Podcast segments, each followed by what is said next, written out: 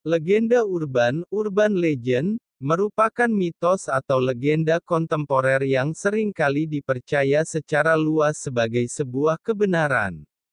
Kebanyakan berkaitan dengan misteri, horor, ketakutan, humor, atau bahkan kisah moral. Legenda urban tidak selalu berarti kisah bohong namun sama seperti kisah yang disebarkan dari mulut ke mulut.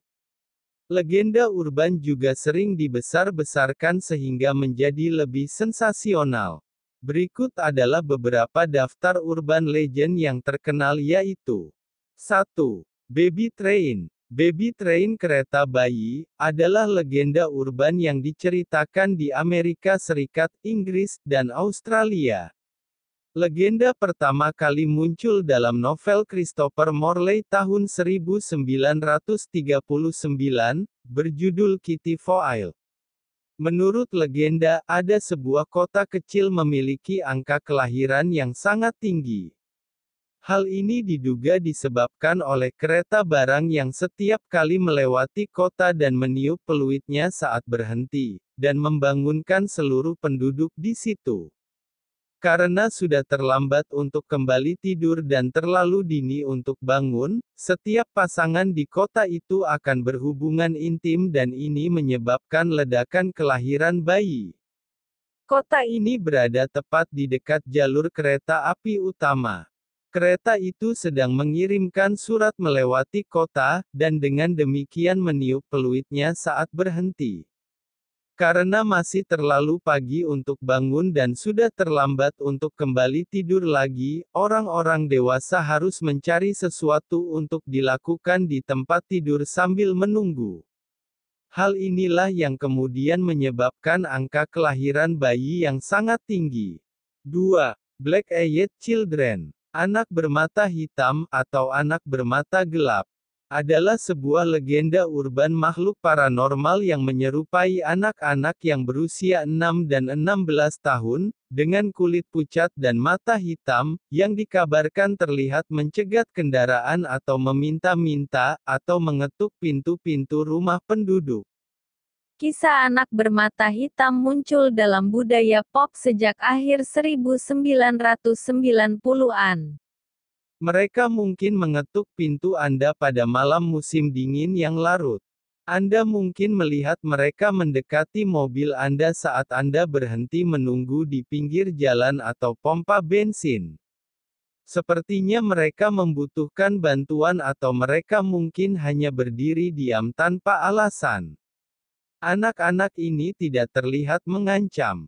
Mereka ingin masuk ke rumah atau mobil Anda. Mereka sangat gigih. Tiba-tiba, Anda akan melihat ada yang tidak beres dengan anak-anak ini. Mata mereka, hitam murni, dari kelopak mata ke kelopak mata, bola hitam mati tanpa seklera atau iris akan menegangkan tulang belakang Anda. Anda akhirnya menemukan anak-anak bermata hitam. Anak-anak bermata hitam adalah legenda urban makhluk paranormal yang menyerupai anak-anak berusia antara 6 dan 16 tahun. Makhluk dengan kulit pucat dan mata hitam ini dilaporkan terlihat menumpang, menjulur, atau di depan pintu rumah hunian.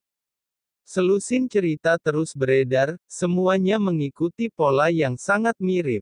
Anak-anak dengan mata yang benar-benar hitam pekat muncul di rumah atau kendaraan orang, mengetuk pintu, dan kemudian bersikeras untuk masuk. Siapa pun yang bertemu dengan mereka hampir segera merasakan rasa takut yang luar biasa. Selain mata pingsan, anak-anak ini biasanya tampak normal. Terkadang, pakaian mereka terlihat ketinggalan zaman. Dalam kasus yang sangat tidak biasa, orang telah melaporkan pertemuan dengan makhluk dengan kaki seperti cakar. Tidak ada yang tahu di mana atau bagaimana makhluk ini muncul. Ahli teori konspirasi percaya bahwa anak-anak bermata hitam adalah alien yang mencoba menjangkau bumi. Ahli demonologi percaya bahwa mereka adalah anak-anak iblis sendiri dan jika Anda membiarkan mereka masuk, Anda mengizinkan iblis memasuki hidup Anda.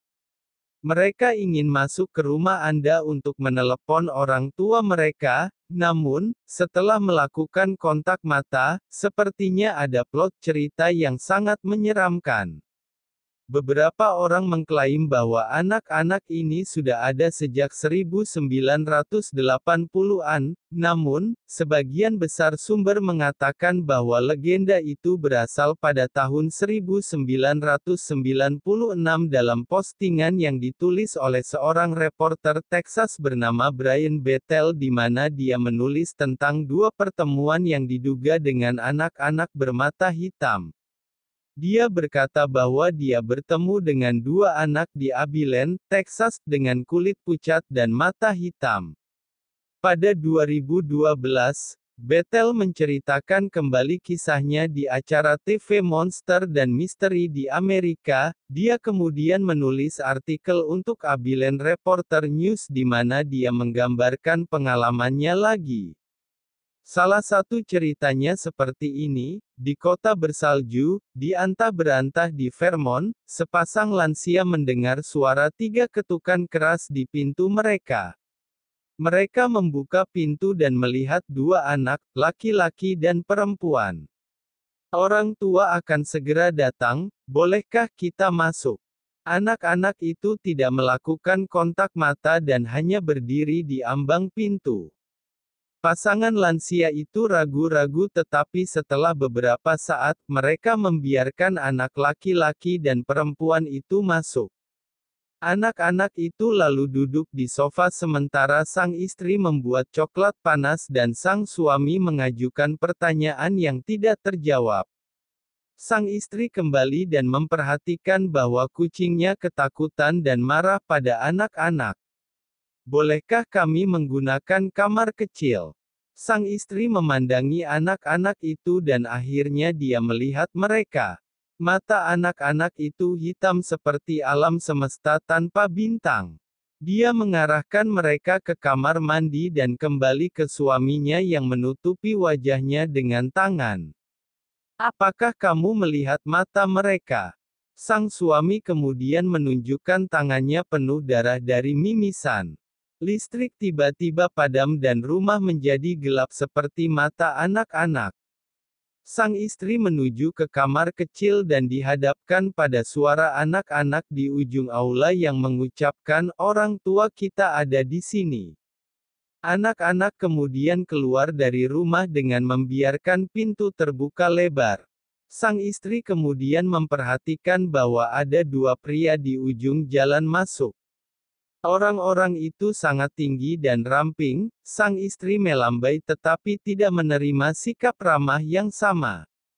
Kedua pria dan anak-anak itu kemudian pergi bersama dalam satu mobil. Listrik kemudian kembali menyala beberapa saat setelah anak-anak pergi. Sepanjang minggu berikutnya, hal-hal aneh terjadi di rumah itu, Tiga dari empat kucing hilang dan yang keempat ditemukan mati dalam genangan darahnya. Sang suami terus mimisan dan akhirnya pergi ke dokter, di mana ia didiagnosis menderita kanker kulit yang sangat agresif.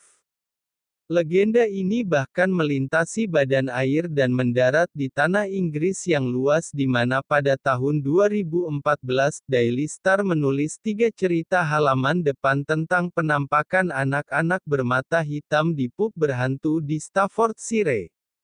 Pemburu hantu yang percaya bahwa anak-anak bermata hitam itu adalah makhluk luar angkasa, vampir atau hantu menganggap penampakan ini dengan sangat serius. Saat ini, orang masih mengaku melihat anak-anak bermata hitam saat mengemudi larut malam di jalan yang kosong, atau di luar jendela saat larut malam, atau bahkan bersembunyi di bayang-bayang kamar mereka. Banyak orang melaporkan melihat anak-anak bermata hitam berdiri di sudut kamar mereka selama episode kelumpuhan tidur atau bahkan terbangun di tengah malam karena mereka merasakan seseorang sedang mengawasi mereka dan dalam bayang-bayang ada anak-anak ini. 3. Bloody Mary Pada cerita rakyat barat, Bloody Mary adalah setan atau penyihir yang dikatakan akan muncul di kaca ketika namanya dipanggil tiga kali, atau lebih, bergantung versi cerita, sering digunakan sebagai bagian dari permainan. Cerita yang sangat mirip lainnya dengan nama yang sama adalah Mary Ward, Mary Worthington, Hail Mary, dan Black Agnes. Bloody Mary adalah permainan dan hantu dengan yang sama, atau nama lainnya, seperti Mary Ward, dikatakan akan muncul di kaca ketika dipanggil. Juga dikatakan bahwa jika berkata Carol tiga kali, hantu kaca akan tiba.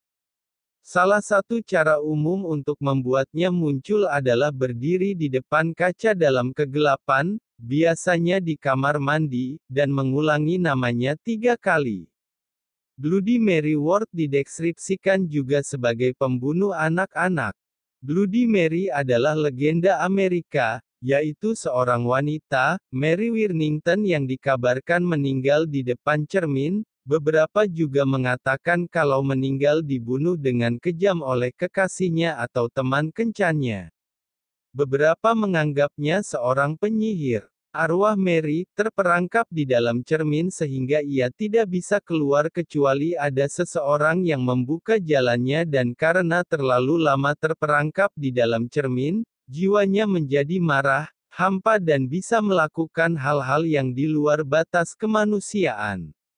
Bloody Mary dapat dipanggil dengan cara mengatakan Bloody Mary tiga kali di depan cermin kamar mandi dengan lampu yang mati, dan kemudian Bloody Mary akan muncul.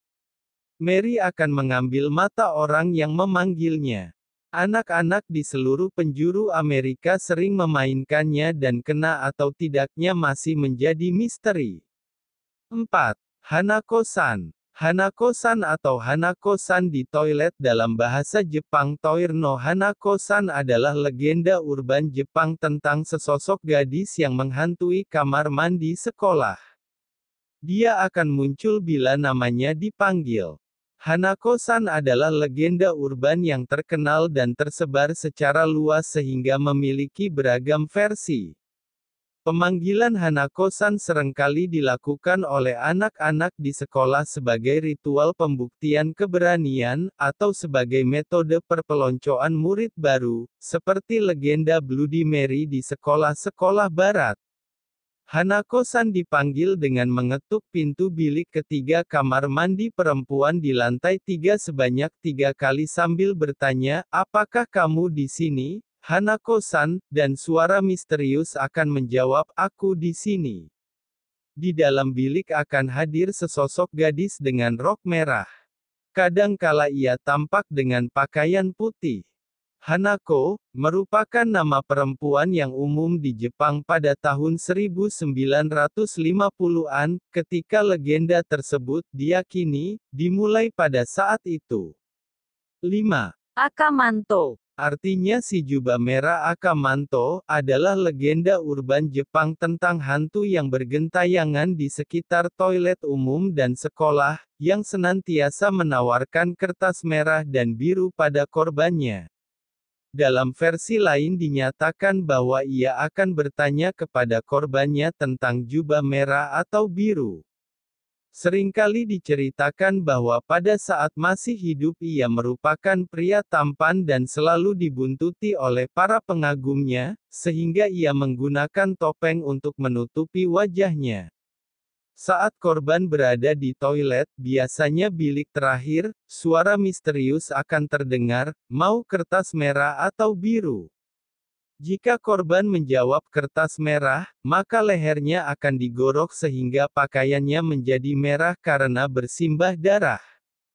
Jika memilih kertas biru, maka leher korban akan dicekik sampai wajahnya membiru.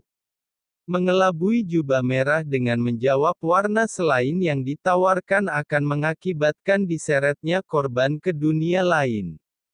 Jawaban yang tepat adalah tidak perlu kertas.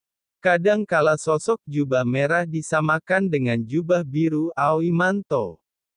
Kadang kala suara misterius tidak menawarkan kertas, melainkan jubah. Jika memilih merah, maka korban akan dikuliti agar kulit tersebut menyerupai jubah. Jika menjawab biru, maka darah korban akan dikuras habis. Dalam suatu versi berbeda yang terkenal, pilihan yang ditawarkan bukan kertas merah melainkan rompi merah. Seorang polisi dan polwan dipanggil ke sekolah setelah mendapat laporan adanya suara lelaki misterius di kamar mandi perempuan. Sang polwan pergi ke kamar mandi sementara rekannya menunggu di luar. Saat berada di dalam bilik, suara misterius bertanya, mau pakai rompi merah. Polisi yang berada di luar, yang menguping dari balik pintu mendengar rekannya menjawab ya. Tiba-tiba terdengar jeritan dari dalam kamar mandi yang diiringi suara benda jatuh. Setelah polisi di luar berhasil mendobrak pintu kamar mandi, ia mendapati bahwa rekannya telah dipenggal. Darahnya meresapi rompi yang dikenakannya, sehingga rompinya menjadi merah. Versi lain menyatakan bahwa bila memilih jubah kuning, maka kepala korban akan dipaksa masuk ke toilet yang sedang digunakan. 6. Legenda urban Jepang, Nihon no Toshi Densetsu, meliputi cerita rakyat masa kini tentang makhluk supranatural, misterius dan serangan mereka, biasanya, terhadap orang-orang yang tak bersalah, atau mengenai kisah non-supranatural terkait rumor yang beredar dalam budaya populer. Tema yang pertama jarang melibatkan peran makhluk yokai seperti dalam cerita rakyat Jepang dahulu, dan kebanyakan melibatkan onryo, yaitu hantu khas Jepang yang menjadi arwah penasaran dan menyerang siapa pun yang terlibat dengannya. Legenda urban Jepang cenderung terkait dengan sekolah-sekolah Jepang dan, seperti halnya legenda yokai, menyisipkan suatu peringatan dalam kisahnya, seperti mengingatkan orang-orang agar tidak melakukan penindasan, tidak pulang malam-malam, atau tidak berbicara kepada orang yang tak dikenal.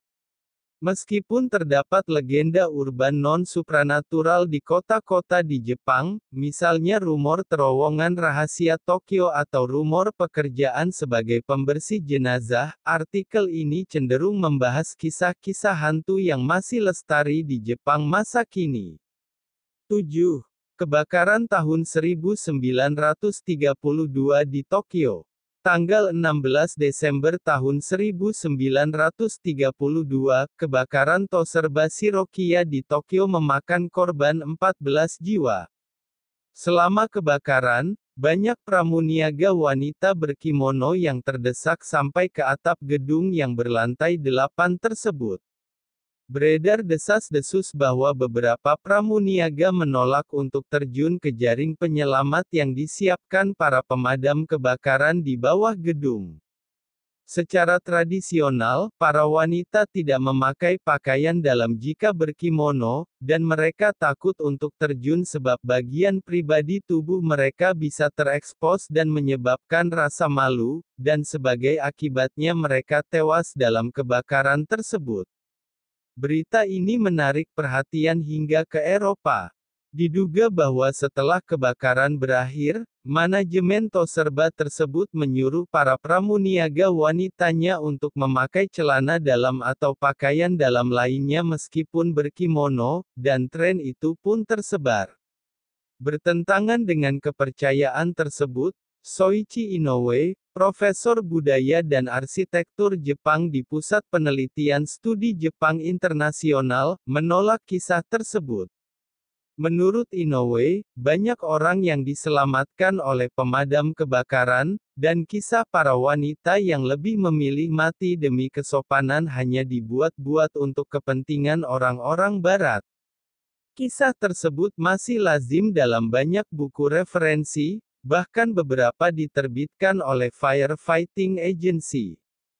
Selain itu, di Jepang sudah umum dipercaya bahwa kebakaran Toserba Shirokiya adalah suatu katalis dalam tradisi berbusana, khususnya tren mengenakan celana dalam ala barat, meskipun tidak ada bukti untuk memperkuat keyakinan tersebut.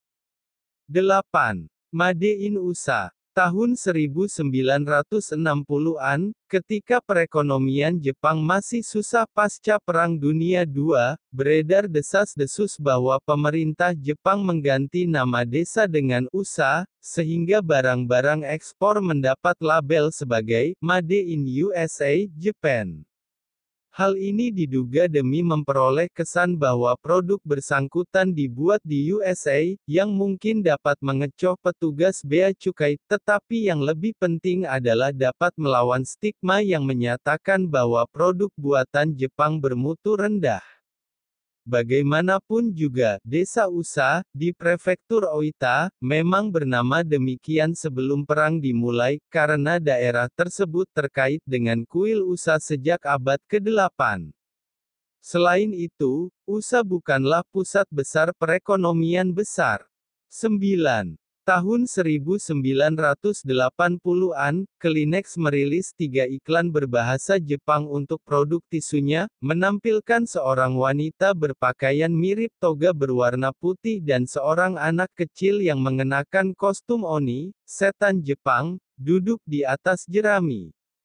Iklan tersebut diiringi lagu It's a Fine Day oleh Jen dan Barton.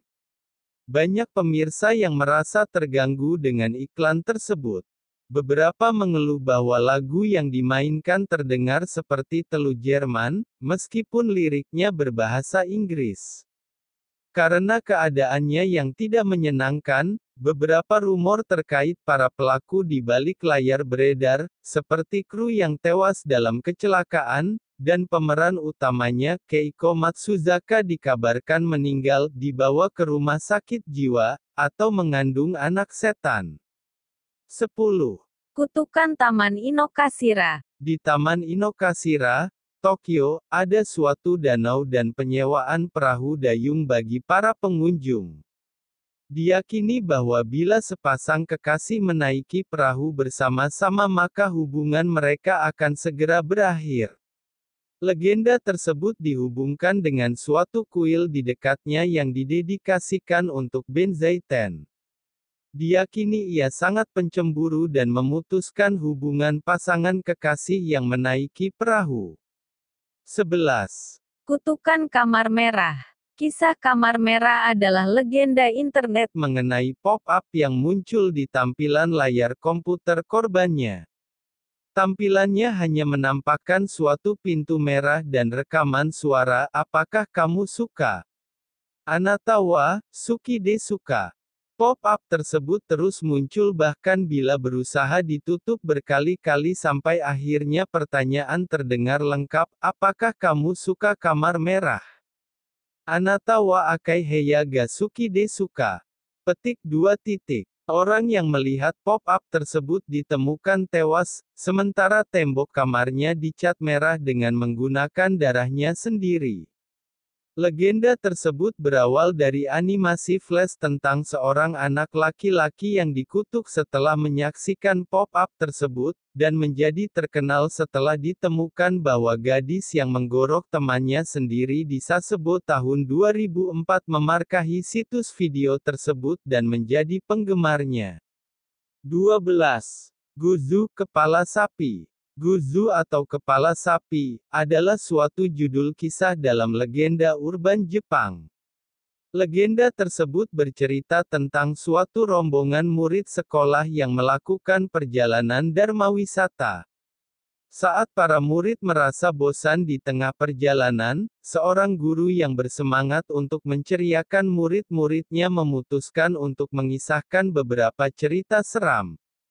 Para murid menikmati ceritanya namun saat sang guru mulai kehabisan cerita untuk disampaikan, Tiba-tiba ia bertanya apakah ada yang pernah mendengar kisah kepala sapi. Tiada yang mengetahui cerita tersebut. Akhirnya sang guru pun bercerita. Awalnya, para murid menikmati cerita tersebut dengan sungguh-sungguh, tetapi perlahan-lahan, banyak yang ketakutan. Beberapa murid memohon agar sang guru menghentikan ceritanya namun sang guru tampak seperti sedang kesurupan dan tak mau berhenti bercerita. Beberapa saat kemudian, akhirnya sang guru sadar dan mendapati bahwa bus berhenti di tengah jalan. Para murid dalam keadaan kejang, mata mereka menjuling ke atas, mulut mereka berbuih, dan sang sopir mengalami kondisi yang sama.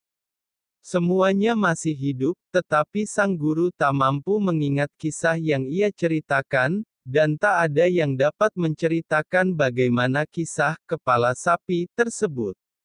Menurut versi lain, siapa pun yang mendengar cerita tersebut tidak akan mampu untuk menceritakannya kembali karena akan segera menemui ajal. Menurut rumor, kisah terkutuk tersebut merupakan sepenggal kisah karya penulis fiksi ilmiah, Sakyo Komatsu yang tak dipublikasikan, tetapi tidak ada bukti bahwa penulis tersebut terlibat dalam legenda kepala sapi. Ada cerita rakyat Ukraina yang berjudul Kepala Sapi, tentang gadis yang mendapatkan keberuntungan setelah mempersembahkan makanan dan tempat tinggal kepada kepala sapi yang mengunjunginya di suatu malam, namun kisah tersebut tidak mungkin dapat menimbulkan kepanikan atau histeria bagi para pendengarnya. Ada juga film Jepang tahun 2003 berjudul Gozu, disutradarai oleh Takashi Miike yang meskipun mengumbar kekerasan dan adegan tak masuk akal tidak ada kaitannya dengan legenda kepala sapi tersebut. 13. Kokuri-san Kokuri adalah permainan Owiya versi Jepang, yang menjadi populer selama zaman Meiji. Para pesertanya menulis huruf-huruf hiragana dan meletakkan tangan mereka pada sekeping uang, sebelum mengajukan pertanyaan kepada Kokuri-san. Permainan ini populer di kalangan anak sekolah menengah dan, seperti Owiya, ada beberapa rumor dan legenda terkait dengannya. Ada cerita bahwa Kokuri-san hanya memberitahu para peserta mengenai tanggal kematian mereka. Sementara ada cerita yang menyatakan bahwa Kokurisan dapat ditanyai tentang berbagai hal namun peserta harus menamatkan permainan dengan langkah yang benar, dapat dengan cara mengucapkan selamat tinggal kepada Kokurisan sebelum meninggalkan meja, atau membuang peralatan permainan Kokuri dalam batas waktu tertentu, seperti membelanjakan uang yang dipakai atau menggunakan pena yang dipakai menulis hiragana. Kegagalan untuk melakukannya akan mengakibatkan kemalangan atau kematian bagi para pemain. Di Jepang, anak-anak yang pulang sendirian di malam hari mungkin saja bertemu dengan seorang wanita yang mengenakan masker, tetapi ini merupakan pemandangan yang biasa di sana sebab orang-orang memakainya untuk mencegah penularan pilek dan penyakit lainnya. Namun wanita yang tak lazim akan mencegat dan bertanya, apakah aku cantik?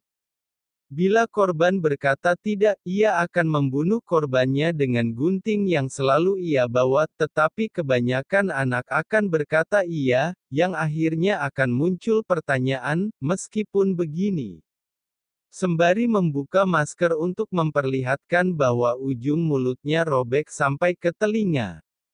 Wanita tersebut dikenal sebagai Kuchisake Ona, atau, wanita bermulut robek. Tak peduli apakah korbannya berkata ya atau tidak, si wanita pasti membunuh mereka. Jika berkata tidak, korbannya akan ditebas, dan jika berkata ya, ia akan merobek mulut korbannya agar menyerupai dirinya. Untuk dapat kabur dari Kuchisake Ona, korban dapat menanggapinya dengan jawaban, biasa saja, atau lumayan, dan korban dapat lari sementara ia kebingungan, atau korban dapat melemparkan beberapa buah atau manisan agar dipungut olehnya, sehingga memberi kesempatan untuk lari bagi para korbannya. Versi lain menyatakan bahwa jika korban mengajukan pertanyaan yang sama maka ia akan bingung lalu pergi. 14. Penumpang fatal Kisah ini mengenai seorang sopir taksi yang berkendara mencari penumpang di waktu malam. Menurut cerita, seseorang tiba-tiba muncul di kegelapan malam dan memanggil taksi. Orang tersebut minta diantarkan ke tempat yang belum pernah didengar sebelumnya oleh si sopir. Saat si sopir mengaku tidak tahu, ia diyakinkan oleh si penumpang bahwa jalan menuju ke sana akan diberitahu. Si penumpang menunjukkan arah dan jalan yang sangat berbelit-belit, melewati gang dan jalan kecil, melintasi banyak pemukiman dan bahkan keluar kota hingga menuju wilayah pedesaan. Setelah melakukan perjalanan jauh dan tampaknya tak kunjung dekat dengan tujuan, si sopir merasa gelisah. Ia menoleh ke belakang untuk bertanya mengenai posisi mereka, tetapi merasa terkejut saat tahu bahwa si penumpang telah lenyap. Si sopir kembali menoleh ke depan dan mendapati bahwa mobilnya sedang mengarah ke tepi jurang. 15. Teke-teke Teke-teke adalah hantu gadis yang jatuh di atas rel dan tubuhnya terpotong oleh kereta yang melintas. Setelah menjadi hantu penasaran, ia membawa sabit dan berjalan dengan tangan atau sikunya, dan gesekan tubuhnya saat diseret menghasilkan bunyi teke-teke. Jika ia bertemu seseorang di malam hari dan korbannya tidak berlari cukup cepat, ia akan memotong tubuh korbannya jadi dua bagian agar menyerupai bentuk tubuhnya. Dalam suatu versi dikisahkan mengenai seorang siswa yang baru pulang dari sekolah pada malam hari. Ia melihat sesosok gadis bersandar pada sebuah jendela.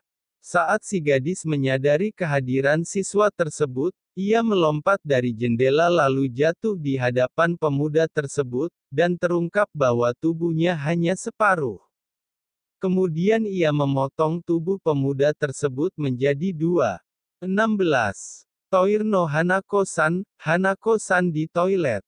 Toir no Hanako-san adalah legenda terkenal yang berkaitan dengan sekolah dasar di Jepang.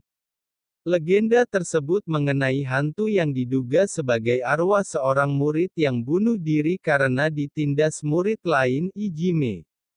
Hantu ini juga diketahui hanya muncul tanpa alasan yang jelas. Hanako-san adalah sebuah legenda populer di sekolah dasar di Jepang, dan diyakini menghantui bilik keempat dalam kamar mandi perempuan.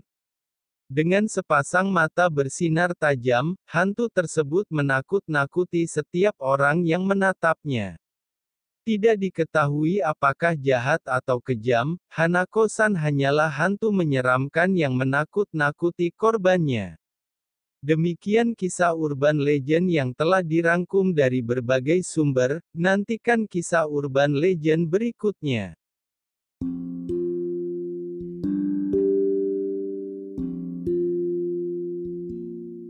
Legenda urban, urban legend, merupakan mitos atau legenda kontemporer yang sering kali dipercaya secara luas sebagai sebuah kebenaran.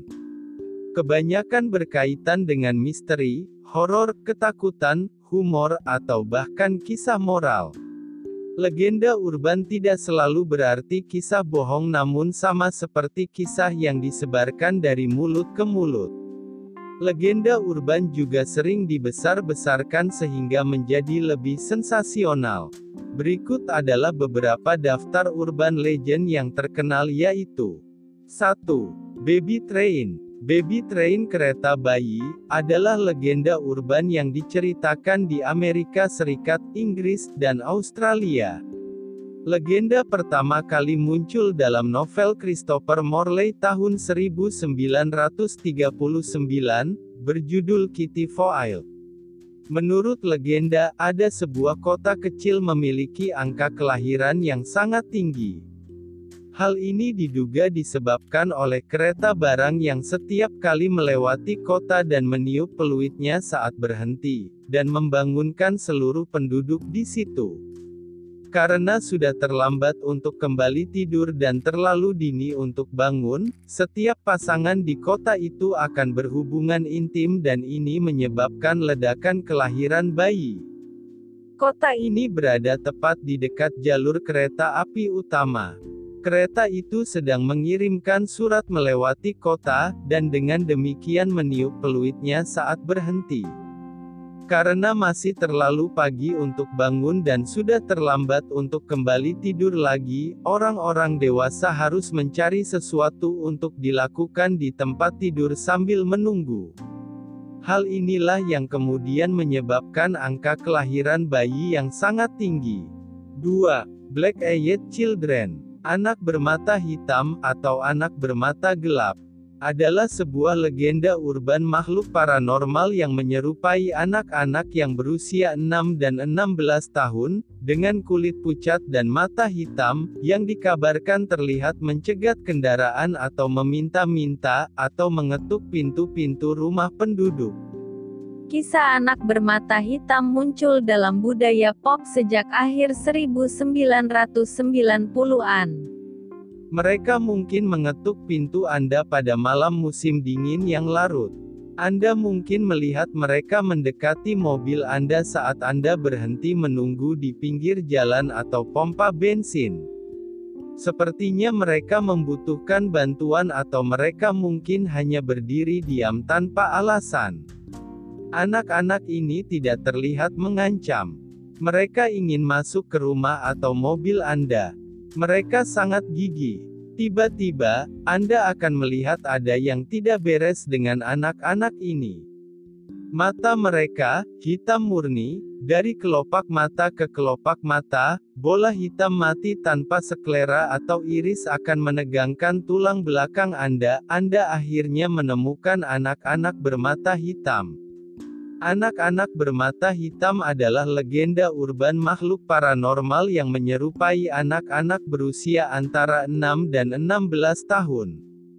Makhluk dengan kulit pucat dan mata hitam ini dilaporkan terlihat menumpang, menjulur, atau di depan pintu rumah hunian. Selusin cerita terus beredar, semuanya mengikuti pola yang sangat mirip. Anak-anak dengan mata yang benar-benar hitam pekat muncul di rumah atau kendaraan orang, mengetuk pintu, dan kemudian bersikeras untuk masuk. Siapa pun yang bertemu dengan mereka hampir segera merasakan rasa takut yang luar biasa. Selain mata pingsan, anak-anak ini biasanya tampak normal. Terkadang, pakaian mereka terlihat ketinggalan zaman. Dalam kasus yang sangat tidak biasa, orang telah melaporkan pertemuan dengan makhluk dengan kaki seperti cakar. Tidak ada yang tahu di mana atau bagaimana makhluk ini muncul. Ahli teori konspirasi percaya bahwa anak-anak bermata hitam adalah alien yang mencoba menjangkau bumi.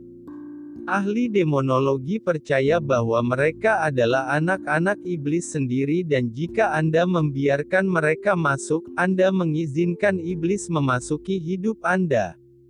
Mereka ingin masuk ke rumah Anda untuk menelepon orang tua mereka, namun, setelah melakukan kontak mata, sepertinya ada plot cerita yang sangat menyeramkan.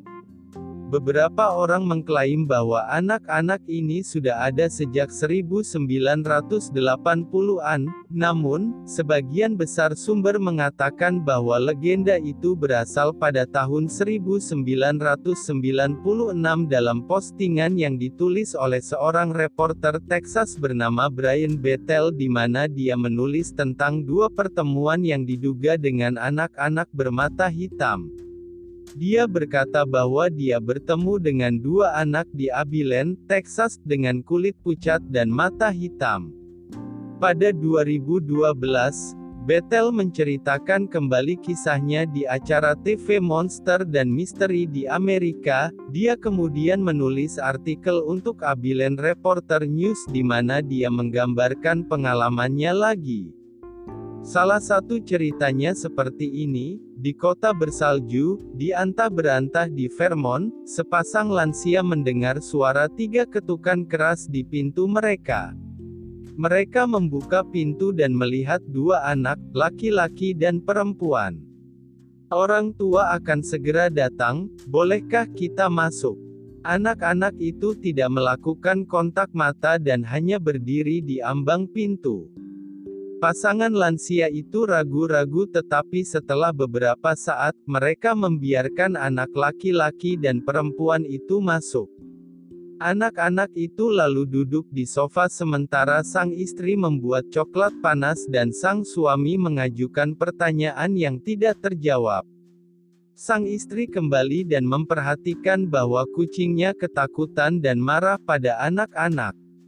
Bolehkah kami menggunakan kamar kecil? Sang istri memandangi anak-anak itu dan akhirnya dia melihat mereka. Mata anak-anak itu hitam seperti alam semesta tanpa bintang. Dia mengarahkan mereka ke kamar mandi dan kembali ke suaminya yang menutupi wajahnya dengan tangan. Apakah kamu melihat mata mereka? Sang suami kemudian menunjukkan tangannya penuh darah dari mimisan. Listrik tiba-tiba padam dan rumah menjadi gelap seperti mata anak-anak.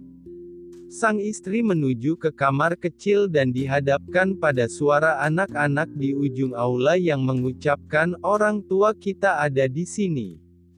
Anak-anak kemudian keluar dari rumah dengan membiarkan pintu terbuka lebar.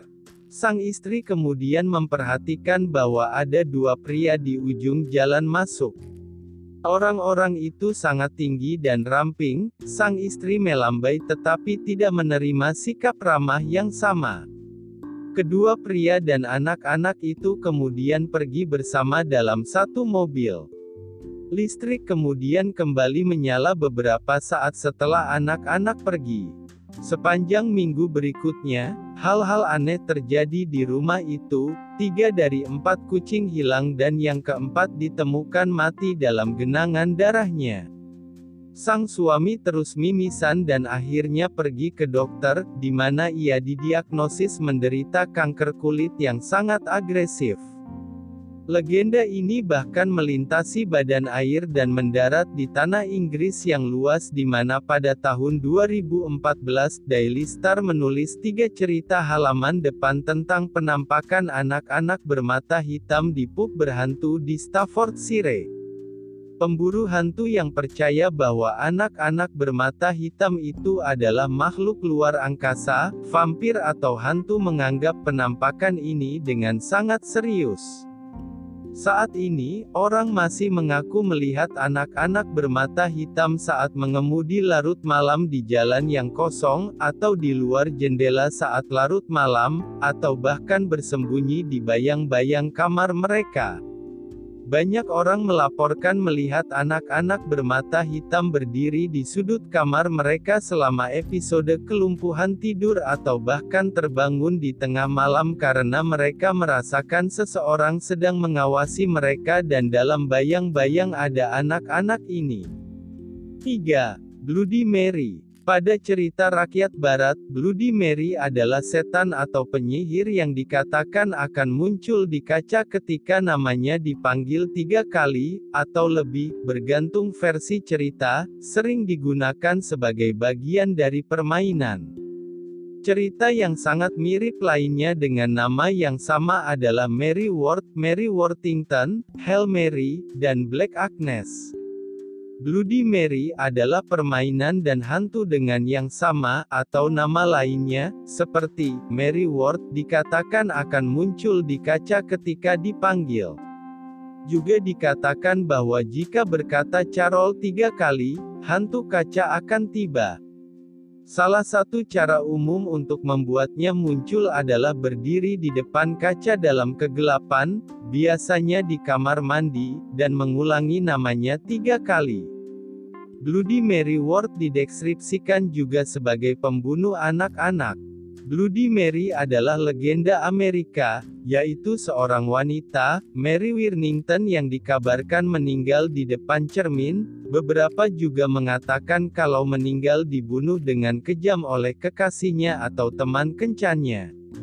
Beberapa menganggapnya seorang penyihir. Arwah Mary terperangkap di dalam cermin sehingga ia tidak bisa keluar kecuali ada seseorang yang membuka jalannya dan karena terlalu lama terperangkap di dalam cermin, jiwanya menjadi marah, hampa dan bisa melakukan hal-hal yang di luar batas kemanusiaan.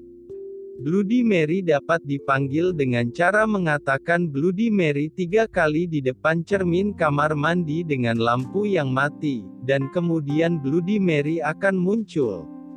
Mary akan mengambil mata orang yang memanggilnya. Anak-anak di seluruh penjuru Amerika sering memainkannya dan kena atau tidaknya masih menjadi misteri. 4. Hanako-san Hanako-san atau Hanako-san di toilet dalam bahasa Jepang Toir no Hanako-san adalah legenda urban Jepang tentang sesosok gadis yang menghantui kamar mandi sekolah. Dia akan muncul bila namanya dipanggil. Hanako-san adalah legenda urban yang terkenal dan tersebar secara luas sehingga memiliki beragam versi. Pemanggilan Hanako-san serengkali dilakukan oleh anak-anak di sekolah sebagai ritual pembuktian keberanian, atau sebagai metode perpeloncoan murid baru, seperti legenda Bloody Mary di sekolah-sekolah barat. Hanako-san dipanggil dengan mengetuk pintu bilik ketiga kamar mandi perempuan di lantai tiga sebanyak tiga kali sambil bertanya, apakah kamu di sini, Hanako-san, dan suara misterius akan menjawab, aku di sini. Di dalam bilik akan hadir sesosok gadis dengan rok merah. Kadang kala ia tampak dengan pakaian putih. Hanako, merupakan nama perempuan yang umum di Jepang pada tahun 1950-an, ketika legenda tersebut diyakini, dimulai pada saat itu. 5. Akamanto Artinya si jubah merah Akamanto, adalah legenda urban Jepang tentang hantu yang bergentayangan di sekitar toilet umum dan sekolah, yang senantiasa menawarkan kertas merah dan biru pada korbannya. Dalam versi lain dinyatakan bahwa ia akan bertanya kepada korbannya tentang jubah merah atau biru. Seringkali diceritakan bahwa pada saat masih hidup ia merupakan pria tampan dan selalu dibuntuti oleh para pengagumnya, sehingga ia menggunakan topeng untuk menutupi wajahnya. Saat korban berada di toilet, biasanya bilik terakhir, suara misterius akan terdengar, mau kertas merah atau biru. Jika korban menjawab kertas merah, maka lehernya akan digorok sehingga pakaiannya menjadi merah karena bersimbah darah. Jika memilih kertas biru, maka leher korban akan dicekik sampai wajahnya membiru. Mengelabui jubah merah dengan menjawab warna selain yang ditawarkan akan mengakibatkan diseretnya korban ke dunia lain. Jawaban yang tepat adalah tidak perlu kertas. Kadang kala sosok jubah merah disamakan dengan jubah biru Aoi Manto. Kadang kala suara misterius tidak menawarkan kertas melainkan jubah. Jika memilih merah, maka korban akan dikuliti agar kulit tersebut menyerupai jubah. Jika menjawab biru, maka darah korban akan dikuras habis. Dalam suatu versi berbeda yang terkenal, pilihan yang ditawarkan bukan kertas merah melainkan rompi merah. Seorang polisi dan polwan dipanggil ke sekolah setelah mendapat laporan adanya suara lelaki misterius di kamar mandi perempuan. Sang polwan pergi ke kamar mandi sementara rekannya menunggu di luar. Saat berada di dalam bilik, suara misterius bertanya, "Mau pakai rompi merah?" Polisi yang berada di luar, yang menguping dari balik pintu mendengar rekannya menjawab ya. Tiba-tiba terdengar jeritan dari dalam kamar mandi yang diiringi suara benda jatuh. Setelah polisi di luar berhasil mendobrak pintu kamar mandi, ia mendapati bahwa rekannya telah dipenggal. Darahnya meresapi rompi yang dikenakannya, sehingga rompinya menjadi merah. Versi lain menyatakan bahwa bila memilih jubah kuning, maka kepala korban akan dipaksa masuk ke toilet yang sedang digunakan. 6. Legenda urban Jepang, Nihon no Toshi Densetsu, meliputi cerita rakyat masa kini tentang makhluk supranatural, misterius dan serangan mereka, biasanya terhadap orang-orang yang tak bersalah, atau mengenai kisah non-supranatural terkait rumor yang beredar dalam budaya populer. Tema yang pertama jarang melibatkan peran makhluk yokai seperti dalam cerita rakyat Jepang dahulu, dan kebanyakan melibatkan onryo, yaitu hantu khas Jepang yang menjadi arwah penasaran dan menyerang siapa pun yang terlibat dengannya. Legenda urban Jepang cenderung terkait dengan sekolah-sekolah Jepang dan, seperti halnya legenda yokai, menyisipkan suatu peringatan dalam kisahnya, seperti mengingatkan orang-orang agar tidak melakukan penindasan, tidak pulang malam-malam, atau tidak berbicara kepada orang yang tak dikenal. Meskipun terdapat legenda urban non-supranatural di kota-kota di Jepang, misalnya rumor terowongan rahasia Tokyo atau rumor pekerjaan sebagai pembersih jenazah, artikel ini cenderung membahas kisah-kisah hantu yang masih lestari di Jepang masa kini. 7. Kebakaran tahun 1932 di Tokyo Tanggal 16 Desember tahun 1932, kebakaran Toserba Shirokiya di Tokyo memakan korban 14 jiwa. Selama kebakaran, banyak pramuniaga wanita berkimono yang terdesak sampai ke atap gedung yang berlantai delapan tersebut. Beredar desas-desus bahwa beberapa pramuniaga menolak untuk terjun ke jaring penyelamat yang disiapkan para pemadam kebakaran di bawah gedung. Secara tradisional, para wanita tidak memakai pakaian dalam jika berkimono, dan mereka takut untuk terjun sebab bagian pribadi tubuh mereka bisa terekspos dan menyebabkan rasa malu, dan sebagai akibatnya mereka tewas dalam kebakaran tersebut. Berita ini menarik perhatian hingga ke Eropa. Diduga bahwa setelah kebakaran berakhir, manajemen Toserba tersebut menyuruh para pramuniaga wanitanya untuk memakai celana dalam atau pakaian dalam lainnya meskipun berkimono, dan tren itu pun tersebar. Bertentangan dengan kepercayaan tersebut, Soichi Inoue, profesor budaya dan arsitektur Jepang di Pusat Penelitian Studi Jepang Internasional, menolak kisah tersebut. Menurut Inoue, banyak orang yang diselamatkan oleh pemadam kebakaran, dan kisah para wanita yang lebih memilih mati demi kesopanan hanya dibuat-buat untuk kepentingan orang-orang Barat.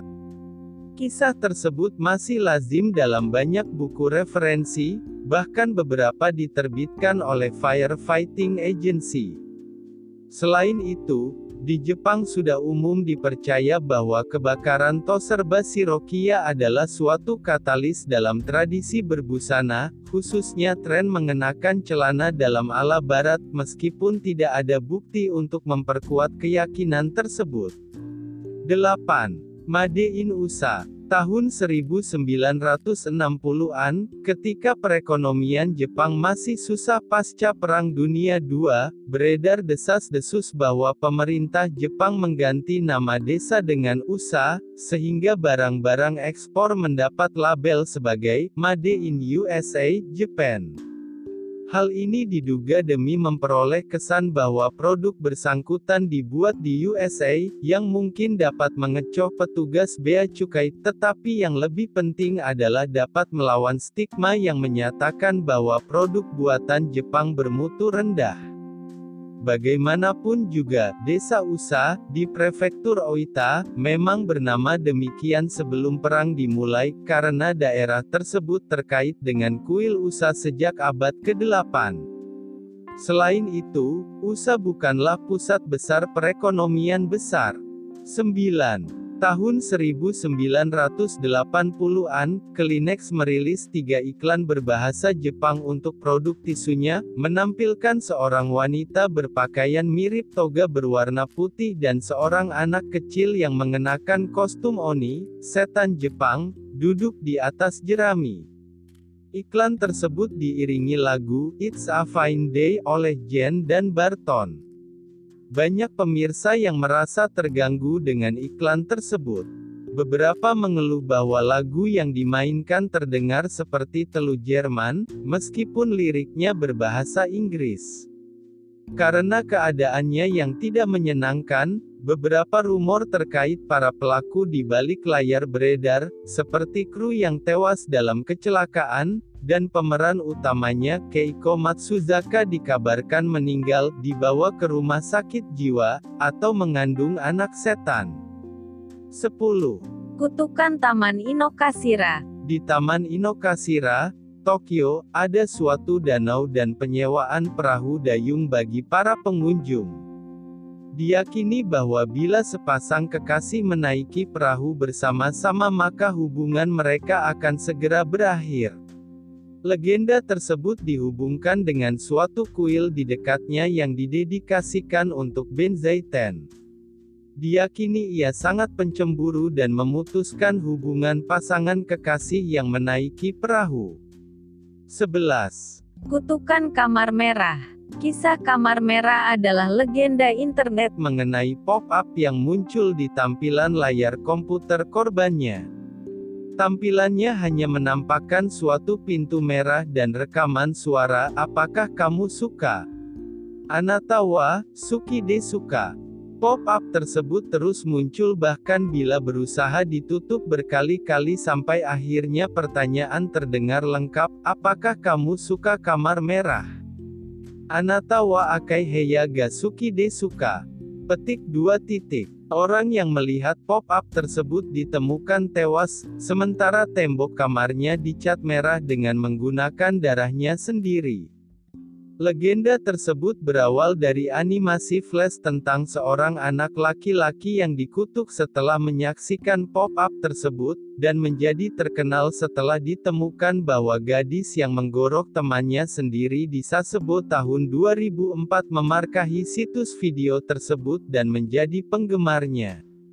12. Guzu Kepala Sapi Guzu atau kepala sapi, adalah suatu judul kisah dalam legenda urban Jepang. Legenda tersebut bercerita tentang suatu rombongan murid sekolah yang melakukan perjalanan dharma wisata. Saat para murid merasa bosan di tengah perjalanan, seorang guru yang bersemangat untuk menceriakan murid-muridnya memutuskan untuk mengisahkan beberapa cerita seram. Para murid menikmati ceritanya namun saat sang guru mulai kehabisan cerita untuk disampaikan, tiba-tiba ia bertanya apakah ada yang pernah mendengar kisah kepala sapi. Tiada yang mengetahui cerita tersebut. Akhirnya sang guru pun bercerita. Awalnya, para murid menikmati cerita tersebut dengan sungguh-sungguh, tetapi perlahan-lahan, banyak yang ketakutan. Beberapa murid memohon agar sang guru menghentikan ceritanya namun sang guru tampak seperti sedang kesurupan dan tak mau berhenti bercerita.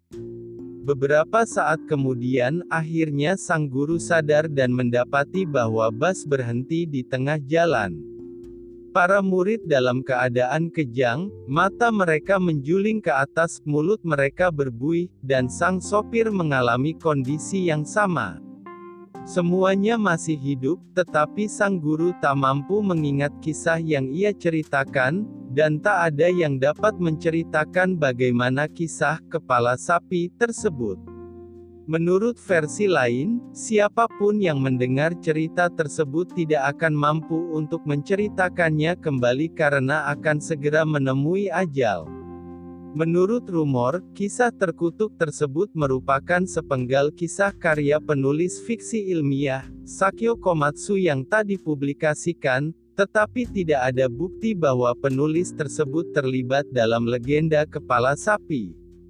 Ada cerita rakyat Ukraina yang berjudul Kepala Sapi, tentang gadis yang mendapatkan keberuntungan setelah mempersembahkan makanan dan tempat tinggal kepada kepala sapi yang mengunjunginya di suatu malam, namun kisah tersebut tidak mungkin dapat menimbulkan kepanikan atau histeria bagi para pendengarnya. Ada juga film Jepang tahun 2003 berjudul Gozu, disutradarai oleh Takashi Miike yang meskipun mengumbar kekerasan dan adegan tak masuk akal tidak ada kaitannya dengan legenda kepala sapi tersebut. 13.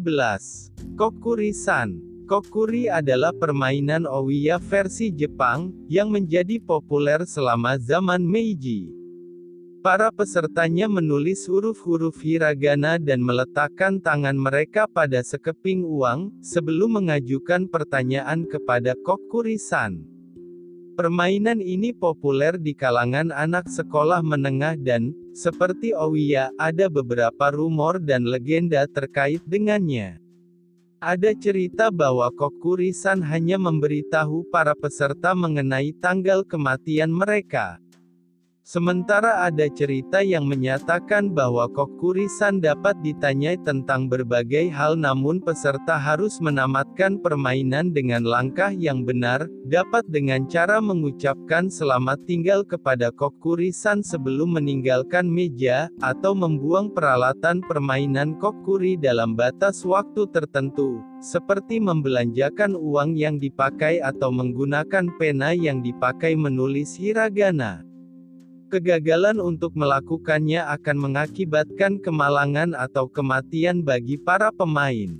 Di Jepang, anak-anak yang pulang sendirian di malam hari mungkin saja bertemu dengan seorang wanita yang mengenakan masker, tetapi ini merupakan pemandangan yang biasa di sana sebab orang-orang memakainya untuk mencegah penularan pilek dan penyakit lainnya. Namun wanita yang tak lazim akan mencegat dan bertanya, apakah aku cantik? Bila korban berkata tidak, ia akan membunuh korbannya dengan gunting yang selalu ia bawa, tetapi kebanyakan anak akan berkata iya, yang akhirnya akan muncul pertanyaan, meskipun begini. Sembari membuka masker untuk memperlihatkan bahwa ujung mulutnya robek sampai ke telinga. Wanita tersebut dikenal sebagai Kuchisake Ona, atau wanita bermulut robek.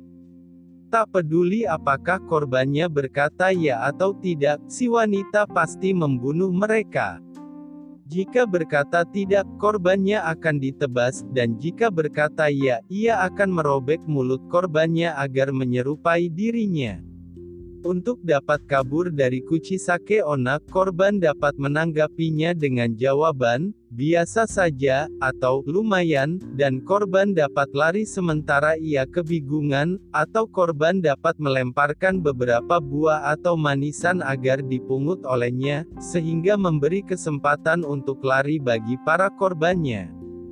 Versi lain menyatakan bahwa jika korban mengajukan pertanyaan yang sama maka ia akan bingung lalu pergi. 14. Penumpang fatal Kisah ini mengenai seorang sopir taksi yang berkendara mencari penumpang di waktu malam. Menurut cerita, seseorang tiba-tiba muncul di kegelapan malam dan memanggil taksi. Orang tersebut minta diantarkan ke tempat yang belum pernah didengar sebelumnya oleh si sopir. Saat si sopir mengaku tidak tahu, ia diyakinkan oleh si penumpang bahwa jalan menuju ke sana akan diberitahu. Si penumpang menunjukkan arah dan jalan yang sangat berbelit-belit, melewati gang dan jalan kecil, melintasi banyak pemukiman dan bahkan keluar kota hingga menuju wilayah pedesaan. Setelah melakukan perjalanan jauh dan tampaknya tak kunjung dekat dengan tujuan, si sopir merasa gelisah. Ia menoleh ke belakang untuk bertanya mengenai posisi mereka, tetapi merasa terkejut saat tahu bahwa si penumpang telah lenyap. Si sopir kembali menoleh ke depan dan mendapati bahwa mobilnya sedang mengarah ke tepi jurang. 15. Teke-teke Teke-teke adalah hantu gadis yang jatuh di atas rel dan tubuhnya terpotong oleh kereta yang melintas. Setelah menjadi hantu penasaran, ia membawa sabit dan berjalan dengan tangan atau sikunya, dan gesekan tubuhnya saat diseret menghasilkan bunyi teke-teke. Jika ia bertemu seseorang di malam hari dan korbannya tidak berlari cukup cepat, ia akan memotong tubuh korbannya jadi dua bagian agar menyerupai bentuk tubuhnya. Dalam suatu versi dikisahkan mengenai seorang siswa yang baru pulang dari sekolah pada malam hari. Ia melihat sesosok gadis bersandar pada sebuah jendela. Saat si gadis menyadari kehadiran siswa tersebut, ia melompat dari jendela lalu jatuh di hadapan pemuda tersebut, dan terungkap bahwa tubuhnya hanya separuh. Kemudian ia memotong tubuh pemuda tersebut menjadi dua. 16. Toir no Hanako-san, Hanako-san di toilet.